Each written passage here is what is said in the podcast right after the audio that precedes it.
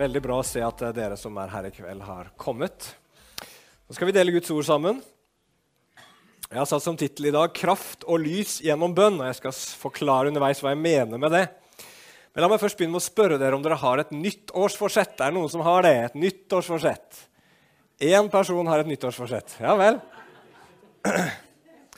Jeg tenker at Det å ha et nyttårsforsett er en ganske kristen ting, på en måte, for det er jo et uttrykk for håp.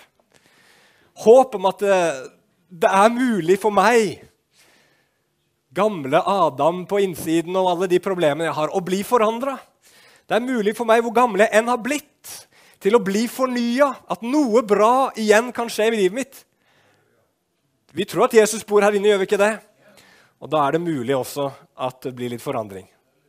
Er det noen her som trenger forandring, da? Kan vi se på denne? Ja, ok, det er noen hender som går opp. Og siden de aller fleste ikke har et nyttårsforsett, tydeligvis, så har jeg et for dere. Og det er jeg, bevis, jeg er sikker på at det er veldig aktuelt for oss alle sammen. Og det nyttårsforsettet det er å be mer. Og det hørtes jo kjempespennende ut. Men jeg hadde lyst til å inspirere dere. Det er jo sjelden jeg hører folk klage over at de ber for mye. Det er sjelden jeg hører pastorer klage over at det er for mye bønn i menigheten nå. Så jeg tenkte en inspirasjon til bønn det kan være en bra start på dette året. her. sånn. Og det skal vi gjøre. Vi skal uh, gå til Efeserbrevet i dag, kapittel 3. Og så skal vi lese noen veldig gode vers der, fra 14 og framover til 21. Og så har jeg bare lyst til å si noe litt enkelt i dag om hvorfor vi trenger å be, noe om hva vi bør be om, og til slutt litt om hvordan vi kan få det til. Så litt praktisk og litt inspirasjon. Så har du med Bibel, så slå veldig gjerne opp i Efeserbrevet 3, vers 14-21. Og eh, Hvis jeg glemmer å si det i talen, så sier jeg det nå. I hvert fall, og det at den bønnen her er en veldig flott bønn å be selv over sitt eget liv og for andre mennesker. Det er en, slags, en av disse mønsterbønnene som vi har i Bibelen, som kan eh, bringe mye velsignelse.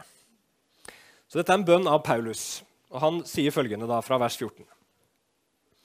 Av denne grunn bøyer jeg mine knær for vår Herre Jesu Kristi Far. Fra Ham, som ethvert farsforhold i himlene og på jorden har fått sitt navn. Og jeg ber om at Han vil gi dere å bli styrket med kraft ved sin ånd i det indre mennesket, etter Hans herlighets store rikdom. Det vil si at Kristus får bo i hjertene deres ved troen. I det dere er rotfestet og grunnfestet i kjærlighet, for at dere skal være i stand til å fatte, sammen med alle de hellige, hvor stor bredden og lengden og dybden og høyden er, og å kjenne Kristi kjærlighet, som overgår all kunnskap, for at dere kan bli fylt til hele Guds fylde. Han som er i stand til å gjøre langt mer enn alt det vi ber om eller forstår, etter den kraft som virker i oss. Ham tilhører æren i menigheten, som er i Kristus Jesus, gjennom alle slekter i evigheters evighet. Amen. Dette er Guds ord. La oss be sammen. Herre, du ser oss eh, alle her i dag, Gud, og du ser hvor vi er i livene våre, hva som plager oss, hva som er krevende, hva som er tungt. Du kjenner også alle detaljene rundt vårt liv med deg, vårt bønneliv, Herre, vårt og bibellesning og alt er nakent og bart for deg. Du kjenner alt sammen. Og vi takker deg, Gud, for at du elsker oss, og fordi du har tro på ditt eget verk i oss, Herre. At du kan skape forandring. Du kan fornye, Herre. Du kan helliggjøre. Du kan forvandle. Du kan eh, styrke. Og du kan la oss se nye ting, Herre. Så nå ber vi, Herre Jesu navn, at du ved din ånd skal bare lede denne enkle forkynnelsen her i dag, at den kan få røre ved hjertene våre. At den kan få inspirere oss til å søke fellesskap med deg. Til å be mer, Herre. Ikke som en byrde som ligger på oss, men som en glede og en mulighet, Herre. Som vi gjerne benytter oss av. I Jesu navn. Amen. Ja, hvorfor skal vi be, da? Det er jo litt greit å ta og minne seg selv på det noen ganger, og kanskje tenke litt gjennom det spørsmålet også. Eh, et vanlig svar, typisk for våre kanskje litt sånn karismatiske sammenhenger, det er at vi sier at eh, Hvis vi ikke ber, så skjer det ingenting. Eh, eller til og med kanskje at Gud trenger våre bønner. Eller til og med at Gud er avhengig av våre bønner. Jeg har hørt det flere ganger, sikkert flere her som har hørt det også.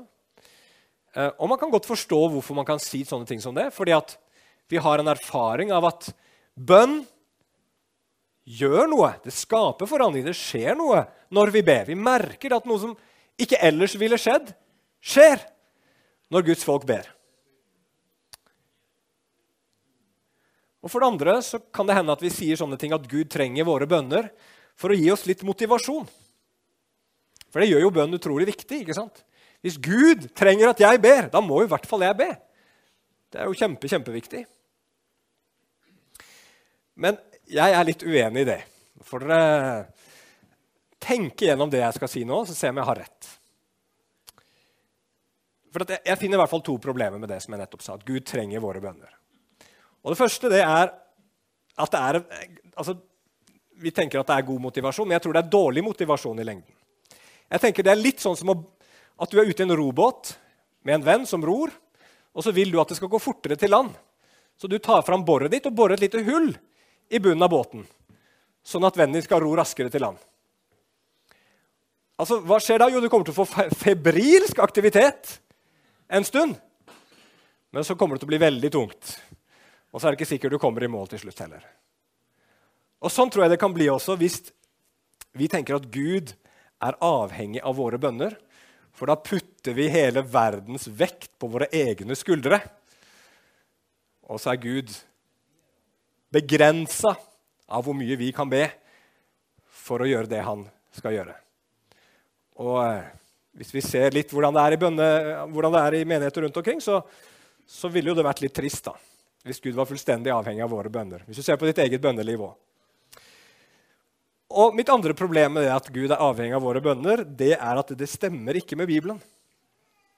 Hvis dere ser på vers 20, som vi nettopp leste, så står det at Gud kan gjøre langt utover alt det vi ber eller forstår. Gud han kan gjøre mye, mye, mye, mye, mye mer enn det du og jeg kan be om. Og Hvis du ser andre steder i Bibelen, f.eks. i Salme 115 og vers 3, så står det 'Gud er i himmelen, han gjør det han vil'. står det. Gud er den allmektige, han er den suverene, han er den høyeste Gud. Han kan alt! Ingenting er umulig for han. Det fins ingen som kan stoppe han. Det fins ingen som kan hindre han. Han er Gud. Og jeg, jeg, tenker at det er litt trygt, det. For når jeg skal ut på biltur, så hender det jeg glemmer å be om at Gud skal beskytte meg. Men vet du hva? Gud er ikke avhengig av den bønnen. Han beskytter meg allikevel. Gud er ikke begrensa av våre bønner. Han er en allmektig Gud. Men så kan vi stille spørsmål om hvorfor all skal vi be da? Er det noe vits å be da? Hvis Gud han kan gjøre hva som helst. Og da tenker jeg Det riktige bibelske svaret på det er at vi ber ikke fordi Gud trenger oss, men vi ber fordi vi trenger Gud. Vi trenger Han. Vi trenger den treenige Gud. Jeg synes Det er veldig fint hvordan Paulus sier det her. Han sier at han ber til Far som er i himmelen, om at han skal styrke oss med sin ånd, slik at Kristus kan bo ved troen i våre hjerter. Vi trenger Gud mye mer enn det vi forstår. Derfor så sier Jesus i Johannes kapittel 15.: Uten meg kan dere ingenting gjøre. Dere kan ikke gjøre noen ting uten meg. Og jeg tenker at Vi kanskje er litt barn av vår egen tid. Vi lever i en tid hvor vi har inntrykk av at vi har kontroll på tilværelsen. Gjennom teknologi og kunnskap så har vi liksom eh, kvitta oss med mange problemer som mennesker hadde før. Jesus, når han lærte oss å be, så sa han at vi skulle be 'Gi oss i dag vårt daglige brød'. Hvor mange føler at den bønnen er litt overflødig? Altså, hvor mange tenker at er, det da så viktig at jeg ber om at Gud skal gi meg det daglige brød? Det går jo stort sett på skinner, det der. Det kommer jo av seg sjøl. Om ikke jeg kan jobbe, så gir staten meg penger, og det er for alltid mat i butikken. og Bøndene gjør jobben sin, og vi har uh, sprøytemidler og vi har uh, traktorer som pløyer, og alt går jo av seg sjøl. Hvorfor i all verden skal vi da be Gud om å gi oss daglig brød? Jeg tror at vi bare er litt barn av vår egen tid og tror at vi har kontroll over en virkelighet som vi ikke har kontroll over i det hele tatt. Og det er ikke mange år siden det var covid-19, og vi løp til butikken og kjøpte dopapir alle sammen. Da skjønte vi et svakt, et svagt øyeblikk at kanskje vi ikke har helt kontroll på alt dette her. Og så begynte vi å be Gud om kanskje ikke daglig brød, men daglig dopapir i hvert fall, var i hvert fall veldig aktuelt. Og det er jo viktig, det òg.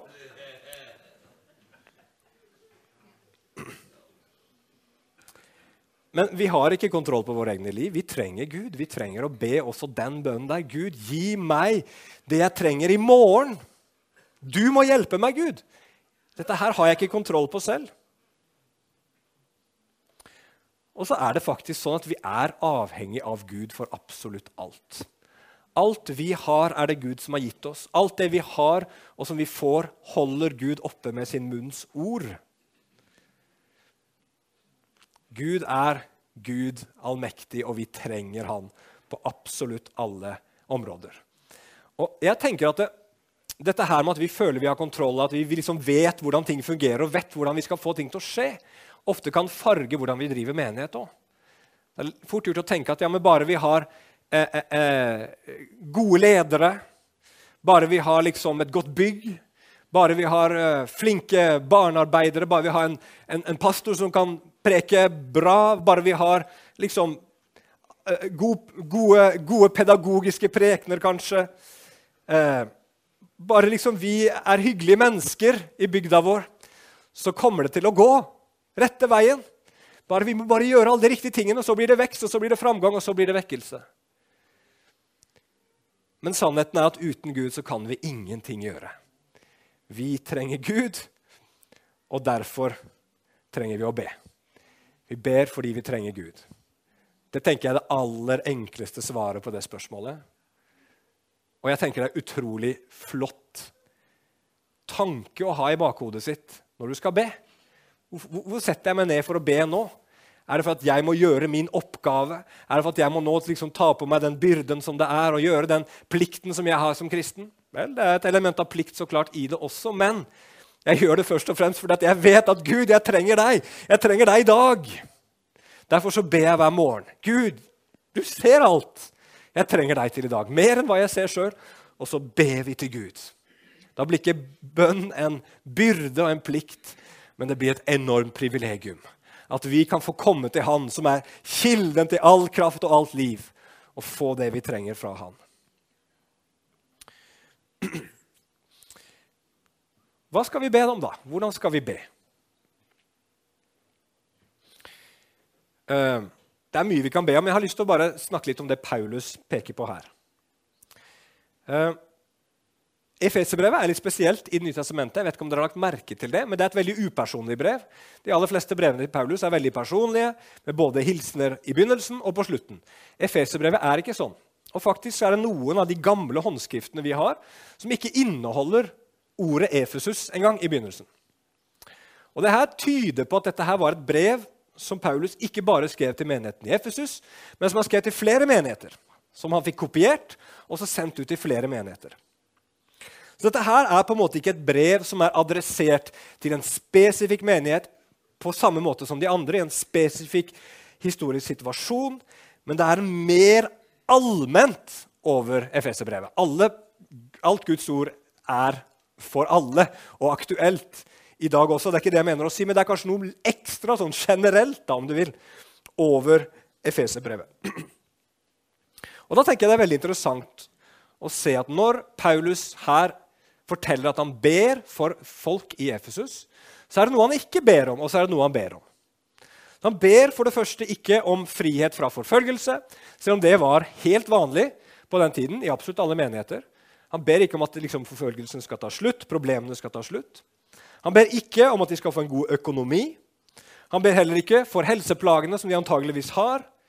Han ber heller ikke om enkle liv for dem. Og Det betyr ikke at det jeg mener å si nå er ikke at vi ikke kan be for sånne ting.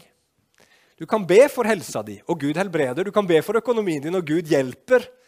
Du kan be når livet blir vanskelig, og Gud kan forandre på omstendigheter. Men siden Paulus her, når han ber, ikke fokuserer på det, men fokuserer på noe annet, så er det nok her et spørsmål om prioritet. Hva som vi bør be om først og fremst når vi ber, eller hva vi bør be mest om når vi ber. Og svaret på det, det er å be om kraft og om lys. Om kraft og om lys. Hva mener jeg med det? Jo, I vers 16 så ber Paulus Gud om å styrke efeserne i det indre mennesket ved sin ånd, etter sin herlighets rikdom. Hvorfor i all verden ber Paulus om at Gud skal styrke dem på innsiden? Jo, Det kan jo bare være ett svar på det, og det er at de er svake. De er ikke sterke. De har ikke kraften i seg selv. De får ikke til med sin egen kraft å møte de utfordringer som de har i sine liv. Og sånn er det for deg og meg også. Og du vet det at Når motgang møter oss, når vi får problemer, så er det den indre styrken som får oss igjennom. Og den har vi mer eller mindre av alle sammen. Noen har enorm indre styrke, andre har mindre. Men alle kommer til kort på et eller annet tidspunkt. De gode nyhetene derimot er at Gud kan styrke det indre mennesket. Han kan hjelpe oss. Og han kan gjøre oss sterke i hans veldige kraft, som det står i Efeserne 6,10. Så i det året som kommer nå, så kommer du til å møte fristelser. Store fristelser, små fristelser. Til å kompromisse, til å ta en enklere vei. Til å gjøre noe du vet er galt, men som du gjerne vil gjøre allikevel. Alle sammen vet vi hva fristelser er. Og hva er det som gjør at vi blir stående i fristelsen? Jo, det kommer an på hvor sterke vi er i det øyeblikket. Du kommer til å møte motstand i det året som kommer nå. Ting kommer ikke til å gå sånn som du vil. Du vil komme til å møte motstand for troen din, og du kommer til å få motstand ifra djevelen. Han går omkring som en brølende løve. Han har ikke pensjonert seg, dessverre. Han fortsetter å søke noen han kan oppsluke, står det. Du kommer til å møte forskjellige prøvelser i det året som kommer. Kanskje blir det vanskelige relasjonelle situasjoner. Venner, familie. Helsemessige prøvelser og vanskeligheter. Smerte, problemer.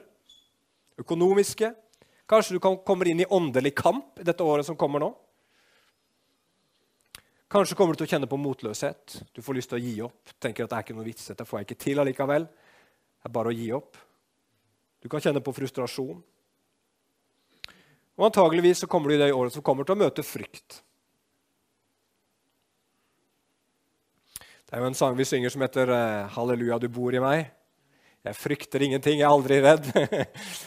synger vi der. Eh, jeg har alltid tenkt på det som en slags bønn. Noe jeg strekker meg mot. Jeg kan ikke si med meg hvis jeg skal være helt ærlig, at jeg ikke frykter noen ting. Vi frykter mennesker, gjør vi ikke det? Vi frykter forandring.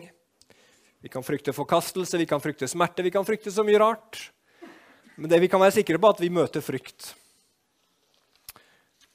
Og hva trenger vi da, når vi møter alle disse tingene? Og Da kan vi be. Vi kan be om at Gud griper inn, at han gjør ting enklere for oss. At han tar vekk noen av disse problemene. Og det gjør Gud med jevne mellomrom. Men det er ikke alltid han gjør det. Men det han alltid vil gjøre, det han har lovt 100% og aldri kommer til å svikte deg på, det er at han vil gi deg kraft i det indre mennesket. Så du kan bli stående etter å ha overvunnet alt, som det står seinere i Efeserbrevet. Han vil gi deg mot. Han vil gjøre deg sterk. Han vil fylle deg med tro. Han vil gi deg det du trenger. Og Vi kan mange ganger tenke på ting som har skjedd som var vanskelig og krevende før. Så hvorfor fiksa ikke du det? Hvorfor fiksa ikke du det? Men Gud ga oss alltid kraft. Vi kom alltid gjennom. Og så Hvis vi ser litt mer positivt på det òg Du trenger kraft for å vitne for naboen din eller kollegaen din.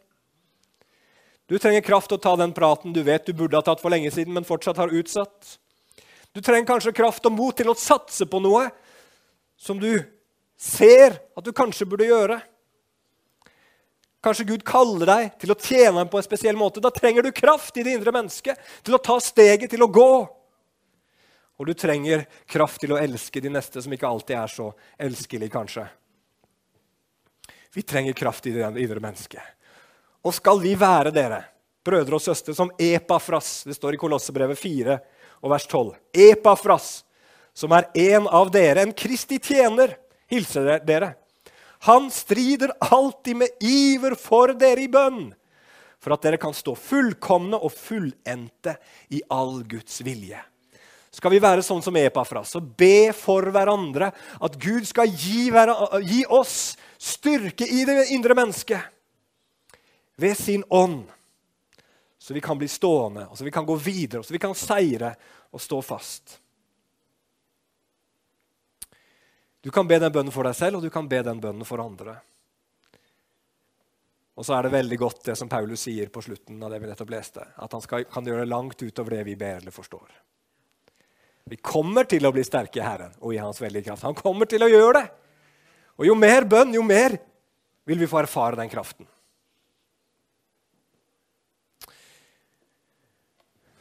Og så er det mange som spør, og det er jo sånn vi alle sammen ikke alltid klarer å svare på. Men hvorfor tok ikke Gud vekk det problemet? Hvorfor gjorde ikke Gud noe med den situasjonen? Men når jeg leste litt rundt dette her, så, så leste jeg en veldig interessant kommentar til det som står i vers 17, hvor det står om at Kristus skal bo ved troen i deres hjerter. Hvorfor ber han for, om, for kristne om at Kristus skal bo ved troen i deres hjerte? Bor han ikke der allerede, da? Hvor skal Kristus bo? Og han her, som jeg leste, han sa at han, han, han snakka om det å bo i et hus. Hva skjer med ditt hus hvis du har bodd der en stund? Jo, når du har bodd i huset ditt en stund, så begynner det å bære preg av deg. Dekorasjon og oppussing og møblement og tapet og gulv og Fargen på huset endrer seg sikkert over tid. og Kanskje bygges det ut et eller annet sted, men alt det er et uttrykk for de som bor der inne. De begynner å sette sitt preg på huset. Og det Paulus ber om her, at Jesus også skal få lov å sette sitt preg på oss. At han tar bolig i oss, og det huset begynner å sette, eh, settes preg på av han som, å, av han som bor der inne. At vi begynner å ligne på han. Og Det Gud ønsker med våre liv, det er ikke at de skal være så enkle og strømlinjeforma som mulig, men han vil at vi skal bli lik Jesus. Det er målet for mitt liv, det er målet for ditt liv. Så vi trenger kraft og så trenger vi også lys. Vi trenger kraft i det indre mennesket, og vi trenger lys for å se. Og Det er også noe som vi trenger å be om, står det her. Og Hvorfor gjør vi det? Jo, for Paulus sier her at når vi ser dybden og høyden, lengden og bredden og kjenner Kristi kjærlighet, da blir vi fylt til hele Guds fylde. Er det noen som syns det høres interessant ut å bli fylt med hele Guds fylde? Jeg syns det høres veldig bra ut. Jeg. Er det, er det noen som har lyst til å strekke seg mot det? Hva er veien dit? Jo, sier Paulus, ved å se og få lys over Guds kjærlighet. Å være rotfesta og grunnfesta i den. Vi sang nettopp at, at, vi var blinde før, men nå ser vi. Og det er sant på et vis, men mange ganger så er vi svaksynte òg. Vi var blinde før, og nå er vi svaksynte. Vi ser ikke alltid så klart. Jesus elsker deg. Ja, jeg vet det, men åh, livet er så vanskelig. Ikke sant? Og, og, og, og, det er sant at livet er vanskelig, men Jesu kjærlighet den er så stor. Den er så vanvittig at hadde vi sett den, så hadde mange av de problemene vi har, sett mye mindre ut.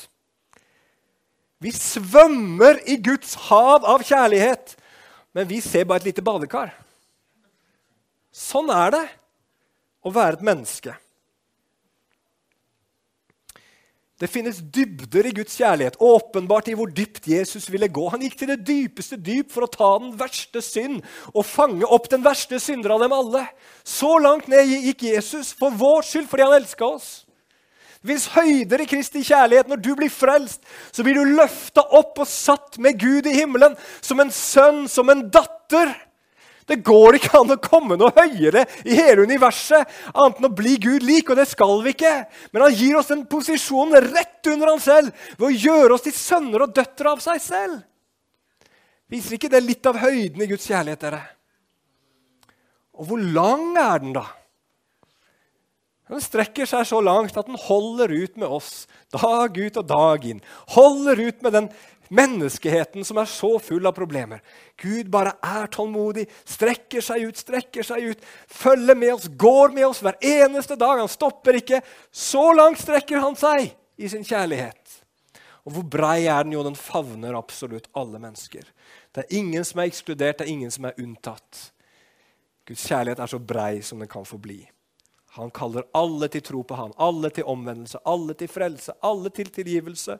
Alle kan få bli hans Guds barn. Det er ingen som er utenfor og ekskludert. Alle er invitert inn.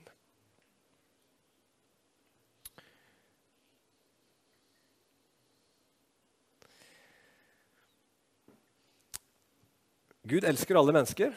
Og det er jo litt sånn, Når vi sier det, så tenker vi ja, ja. Det blir litt som at hvis alle er spesielle, så er det ingen som er spesielle. ikke sant? Gud elsker alle, ja, men det elsker alle. Som om, som om han ikke elsker noen. Men Gud, når Gud sier at han elsker alle, når han sier at han elsker verden, så er det litt annerledes enn når du og jeg sier at vi elsker pizza. For, eksempel. for når du sier 'jeg elsker pizza', så tenker du egentlig på alle de pizzaene du har spist så langt. Men du har jo ikke smakt alle pizzaer i verden. Det kommer nok antageligvis en dag hvor du spiser en pizza du ikke liker. Men når Gud sier at han elsker alle, så kjenner han hvert eneste menneske tvers igjennom. Vet mer om det mennesket enn det mennesket vet om seg selv. Han kjenner absolutt alle, så sier han at han elsker verden. Han elsker hver og en. Og den kjærligheten er også åpenbart i det som vi nettopp har hørt om nå, at vi kan komme til Gud og be. For det er ikke normalt at døra står åpen inn til Gud. Det er ikke det du og jeg fortjener. Pga. våre synder så fortjener vi at den døra skal være stengt. Og Gud i sin kjærlighet, istedenfor å stenge den døra for oss, som fortjente det, så lot han sin sønn dø på korset. Og rope ut på korset, 'Min Gud, min Gud, hvorfor har du forlatt meg?' For Jesus var døra stengt for at døra skulle bli åpna for oss. Og Alt dette her som jeg prøver å uttrykke for dere nå, er Ord som beskriver Guds kjærlighet. Men mine ord når ikke så veldig langt. Det er liksom fryktelig begrensa. Og Derfor så sier Paulus her i vers 19 at han ber om at efeserne og vi også skal få kjenne Guds kjærlighet som overgår all kunnskap. Her snakker Paulus om noe som ikke kan beskrives fullt ut i ord. Som du ikke vil kunne uttrykke fullt ut, men som Gud ved Den hellige hånd kan gjøre levende i ditt hjerte allikevel. Gud kan gi lys, sånn at du ser, ikke bare intellektuelt med hodet ditt, men med hjertet ditt forstår at her er en kjærlighet som ord ikke rommer, en kjærlighet som, som, som, som du bare kommer til kort når du skal prøve å beskrive. Og den kjærligheten, den inkluderer meg. Den kjærligheten, den gjelder meg. Den kjærligheten er for meg. Og for å kunne se dette her, så trenger vi Guds hjelp. Og derfor så må vi be. Be Gud åpne mine øyne, så jeg ser høyden og dybden og lengden og bredden. Så jeg kan kjenne denne kjærligheten som overgår all kunnskap. Skal vi be om det, dere. Be om kraft til det indre mennesket for hverandre. Be om at vi får se hvor stor Jesus er, og hva han har gjort for oss, og hvor stor Guds kjærlighet er, og få erfare den. Jeg syns vi skal be om det. Og jeg tror vi er enige om at det er en viktig ting å be for. Og det som kommer til å skje da, når vi ber om disse tingene, er at hele menigheten kommer til å bli fylt med Guds fylde. Og hva har vi da når menigheten blir fylt med Guds fylde. Da har vi det som vi på gammelspråket kaller for vekkelse. Det er det som skjer når det blir vekkelse. Det er at Guds folk plutselig ser det de visste hele tiden, men ser det på en ny måte. Det at Guds folk erfarer den kraften som de allerede har fornevnt, på en ny måte, på en sterkere måte. Så plutselig så blir det liv i menigheten. Plutselig så blir menigheten attraktiv. Plutselig så begynner vi å vitne for vennene på, på, en måte som vi ikke gjorde før. Plutselig så bruker Gud oss. Plutselig så tør vi gjøre det vi ikke turte før. Dere, vi trenger Gud. Og fordi vi trenger Gud, så trenger vi å be. Og da kommer vi til mitt siste korte punkt her. Hvordan skal vi be? Og Bibelen har litt praktisk uh, undervisning om bønn, og Jesus snakker om det å stenge seg inne i lønnkammeret, som det heter. Et, et, rom hvor man adskiller seg fra alle andre, og så søker man Gud som er i det skjulte. Og det er en viktig del av bønnelivet. Du må ha ro, du må ha fred rundt deg for å kunne søke Gud. Men dette her er det mange som syns er vanskelig. Det er vanskelig å finne tiden i en travel hverdag, føler man. Selv om hvis vi skal være ærlige alle sammen, så finner vi tid til mange andre ting. Men ok. Men sånn er det for oss alle sammen. Jeg er ikke noe, ikke noe bedre enn noen, jeg. Men når vi først setter oss ned, når vi klarer det Ja, har klarte det! Liksom, nå har jeg satt av tid. Og så sitter du der, og så surrer hodet så fryktelig. Alle mulige veier går tankene. I hytt og vær. Og så tenker du jeg ber høyt nå, det hjelper. Og så ber du høyt, og så stopper du midt i setningen. ikke sant? For dette, hodet ditt var plutselig en helt annen plass. Hvordan kan vi overvinne den der konsentrasjonsmangelen der som vi har noen ganger? Jeg tror det er viktig å ikke gi opp. Men så tror jeg også at det er et lite hint i den teksten som vi nettopp leste nå. Det står ikke noe sånn spesifikt om hvordan vi skal be, men det står at denne her, høyden og dybden og lengden og bredden og alt dette her, det skal vi erfare sammen med alle de hellige. Så det er ikke fullt ut et soloprosjekt. Det er liksom ikke bare meg og Gud, men det er oss sammen som ber, og som får erfare dette her. Og jeg tenker det at En utrolig hjelp i bønnelivet det er å be sammen med andre. Bønn er mye lettere i fellesskap. Hvis, hvis, hvis, man bestemmer at ok, da ber vi sammen Derfor har vi bønnemøte på Betel. For eksempel. Så kommer vi sammen. Da har vi satt av det i kalenderen. Da er det prioritet. Nå er det bønnemøte. Så kommer vi, og så ber vi. Derfor har vi bønn og fasteuke om ikke så lenge også. For nå skal vi sette av tid til bønn sammen. Vi skal hjelpe hverandre. Og da hjelper man ikke bare hverandre til å sette av tid, men man hjelper hverandre til å konsentrere seg òg. Det er faktisk lettere å konsentrere seg i bønn når vi er flere sammen. Ja, tankene flyr da òg, men det er lettere å konsentrere seg, for vi er alle sammen der. Holder på med samme greia. Andre, Hvis jeg er litt surret i hodet, så kan jeg lytte til andres bønner, og så blir det ro og fred. Og så merker vi at det er et spesielt nærvær av Gud. Så syns du det er vanskelig med bønn, så vet jeg at vi alle sammen klarer å gå på et bønnemøte. Noen syns kanskje det er skummelt. Man trenger ikke be høyt på bønnemøte. Man må bare være der. Men vi klarer alle sammen å være der. Vi klarer alle sammen å møte opp. Og så er vi med, og så begynner det å skje noe med oss. Og så blir bønn mer naturlig, og så får vi hjelp av Gud når vi er der sammen. Så min utfordring, det er og tenke at i 2023, og gjerne årene etterpå, for all del Det er ikke, noe, det er ikke sånn at når vi kommer til 2024, så kan, det, kan vi stoppe, liksom. Men la oss be mer. Ikke som en byrde og som en plikt, men fordi vi skjønner at vi trenger Gud. Vi skjønner at vi trenger Guds kraft i det indre mennesket, og vi trenger å se. La oss be for hverandre, la oss be for menigheter utover vår egen sammenheng. La oss be for våre, våre egne liv, for vår familie, for frelste, for ufrelste. La oss be og tenke Gud, du er den som kan gjøre langt utover det jeg ber eller forstår. Så da ber jeg, og så gjør du resten, Gud. Og så tror jeg vi skal få se at Gud gjør store ting i våre liv i menigheten og langt utover menighetens grenser. Amen.